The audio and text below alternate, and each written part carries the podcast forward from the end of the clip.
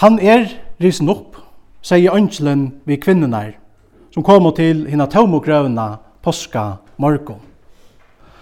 Og det brøkte i alt. Jesu opprøysen ombrøkte løvene til lærersvøgnen og gav tøymon en nutja og livande vevn. Æren Jesus synte seg fire tøymon, bør tøy knuster av sorg, tøy at tøyre herre ved krossfester og deier. Og tan sjukan, løyingen og deien, som setter synd og hama okkara tilveru, kan kaska òsne djeva okkon hinna somo kjenslina som lærersveinane høtt og mittlen lenka frutja og påska det. Öll vøvn tøktist at vera ute. Lenka frutja det var ein myskur dævur, og ta var leir var òsne.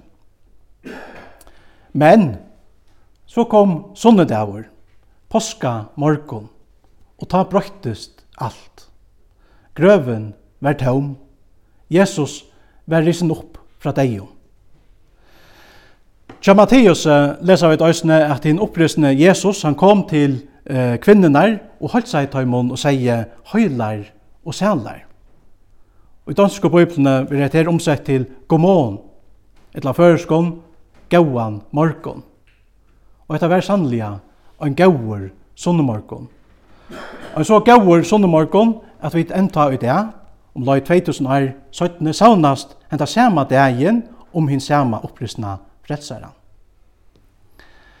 Han brøtti alt, vi sunn i opprøysten, påska, morgon. Og sorgen tja lærersvøgnon var vend til ein livande vøgn, tatt av sjåu hinn opprystna Jesus. Vi kan bruka apostelen Petor som eit døme. Petter, han misti alla sina vøvn ta hansara morsdare, Jesus, døye av krossnål og blei gjerravur. Jesus han var deigur. Og det sørste som Petter gjør det i åren Jesus døye, var å svitja sin herra. Men de mysko utlytene tja Petter brøyttost ta Jesus han sønte seg fyrir honom møtte vi hinn opprystna Jesus, brøytte løyve tja Petre så negv, at han kom til å knyta alla sina kristnovevn, nemlig til Jesu opprøysen fra deio. Og til i hekta så fer han til å prysa gode, og sier at de årene som vi jaunan høyra her i kyrkene, i samband vi døp, og òsne i samband vi gjerrafer, og òsne til som vi da hørst i lestrenom. Her han sier, Lova vår vere god og fei vårs Herra Jesu Krist, som etter mikl og miskunnsyne hever endurføyt okkon til livande vøvnar fyrir opprøysn Jesu Krist fra deg, sier han. Jesu opprøysn førte til nekka holdt nukt fyrir enda mannen, fyrir Petur, og et holdt nukt luiv. Og han knutti etta nutja og vøvnruika luive til øyna avvisa hending, nemlig hese hendingsna som ønskjelen boa i kvinnon påskamorgon. Han sier, han er risen opp. Han er risen opp. Etter var og lærersveinene er østene ekna vittne til. Etla som Paulus sier vi kyrkjelige og i Korint. Han var sattor av kefasse til Petter. Og så igjen av Talmon 12. Og at han at han sattor av møyre enn 500 brøren og sen. Vi sier altså at bådskaperen om hinn opprøsna Jesus er ikkje eit eventyr.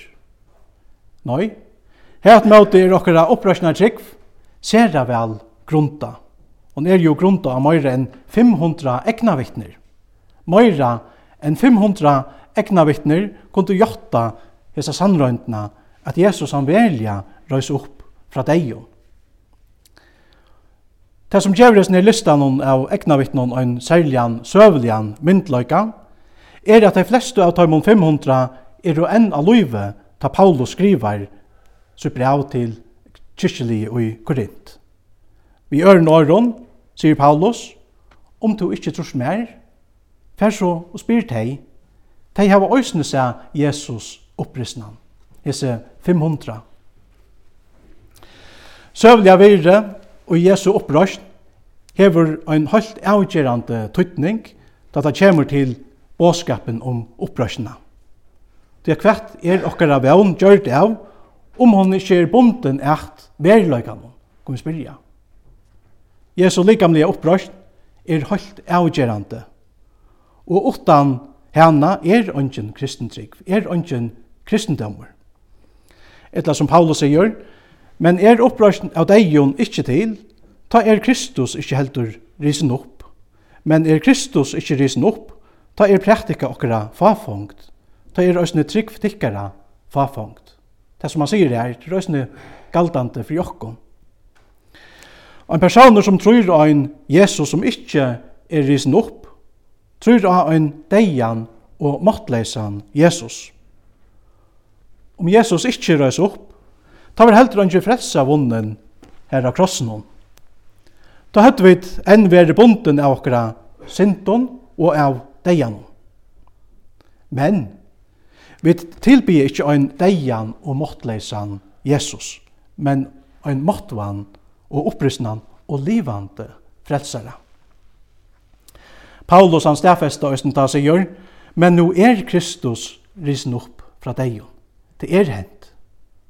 Og han viste seg for Paulus, apostlenon og meira enn 500 brøren og i sen. Og etter her ombrøyte tørra lov fullkomlige. Møtte vi hinn oppresna Jesus ombrøyte apostlana sånnegv, er flere av tøymon òsne var viljer til at loja deian vekna hentan båskapen. Arren opprørsna kom til ta seg atafyrre lastar dyr av økta fyrir at loja som og lagno som Jesus at han av opprørsene var der fullkomlige ombrøyter. Om alt dette var en stor likn, det høyde der ångat til færre så vuja av troarløyve som der gjør det. Og i bøkene The Story of Reality lyser amerikanske ritøvendren Gregory Kokol etter her, så løys og sier, etter spyr, Hva mekna i at ombrøyta en bølg av sjelvande og øktafottlun månnen så får du fra Jesus spjatter og fjalter fyrir myndløknon, atan fyrir lastar dyr og vi sløkton jøsson. Hva kan greia fra tarra ombrøyting til djervar talsmenn fyrir opprørsene, som stilla og se upp imot myndløknon og i høyt og vi at huflekta, fangsla og avratta tar vekna tarra vittnesbor om ein opprøsnan krist. Hva mekne er at ombrøyta Saul fra Tarsus, Og mann som gikk så høgt på i sinna trygg, at han enda sauna i menn og kvinner saman for at høyta og boka og drepa teg, til at teg fyllte Jesus. Hva mekna jeg få en slika mann at vende om og i øynun handabrakte, og takka støv og saman vi taimon som han koa i, og som at enda lesa ut egna loiv vegna hin sama glei båskapen som han avur vannvirte. Hva er hin besta fragrøyngen? spyr han. Best ått svær er nøktande. Det sværer til honom som avur hei avnokta krist vi øynon øye. Sjolvor, sier Petor, hentan Jesus røste god opp, om hetta er vid atler vittne, sier han. Okra kristna trygg og vevn er alls ikkje bygd av nekra blinda trygg. Her at måte kunne vi vi gauare grund, tryggva, at eit veriligt opprørsnar under er hent. Til at dette her undre verilige er hent, gjevur løyvnån eit helt nytt og vannrykt innihald, spennande innihald. Deien er alls ikkje enden. Eller som Paulus sier enn stane, men nu er Kristus risen opp fra deion som frumgrauren av tøymon som sauna er i bostor. Og det vil sige at vi skulle rysa opp fra deion, lykka som Jesus røys opp fra deion. Og i bøkene Den tomme kau, legger norske godfrøyngren Aksel Valensenstad denta at Jesu likamlega opprørst talar i møte deianon som øyne til åndkjeskjering av okkara likame og som øyne endalion skyldneie vi okkara kæro. Tvørster i møte hever Jesu likamlega opprørst med seg at degin tja tøymon kristno øynans er ein firebils skilnaver. Lukka som tann opprysne Jesus, så lærer er aktor, og tøyr så han, så la skuld öll som tryggva av Jesus òsne suttjast aktor. Etter vevnen så vit øya og i okkara opprysna herra og frelsara. Vit øya vevnena om at møttast aktor, sjalt om vi kanskje skulle skiljast her enn Men så har vi dessa vågna om att møttast attor här hemma och himla. Dejen är inte enten. Kjente praktikumauren, Billy Graham, levde i ösne vi hese her trunne. Og han døg i øsne på hese trunne som 95 år gammal. Og enn fyrt han hoksa i om sin egna deia, så sier han nekka såleis. Og en dagin fyrir dit at lesa, at Billy Graham er deigur. Hesun skulle dit alls ikkje tryggva. Ta stund fyrir at vera meira livande enn i er nu. Da har vi berra finnje en nutjan bostad og er gintjen inn til nærvero gods. Ta samme kan òsne sigast om okkon. Ein dagen for at dei at lesa, etla høyra og i utvarspen at vi er og dei. Men som sagt er deien alls ikkje enden. Det at Jesus han er sikra og har sjolvun deian. Han er risen opp. Og vi trunja han kunne vi nu kvila og Jesu vevne om at vi òsne skulle liva, sjalt om vi en dagen skulle dodja. Det er jo det som Jesus han sier vi okkon. Jeg er opprøsnen og løyve. Han som tror av meg skal liva om han så døyr. Då kunne vi då snö taka under vi Billy Graham og säga at vi efter deian för at vera meira levande enn vi er nu. Ta har vi bara finnje en nutjan bostad og är gingen in till närvaro gods. Kvann tutning hever alt hekta så fyrir te og me som er her og i det. Jo, Jesu likamlega opprørsjen boar okkon, at Jesus han hever vunnet sigur av sjálfun deianum. Og at deian ikkje fer i sørsta året.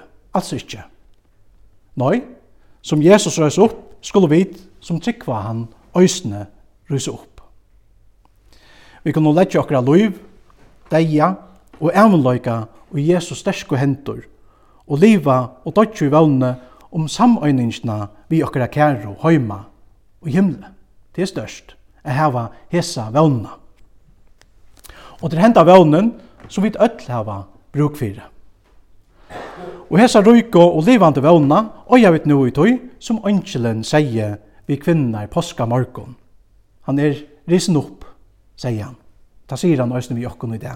Han er risen opp. Sannelig er han risen opp.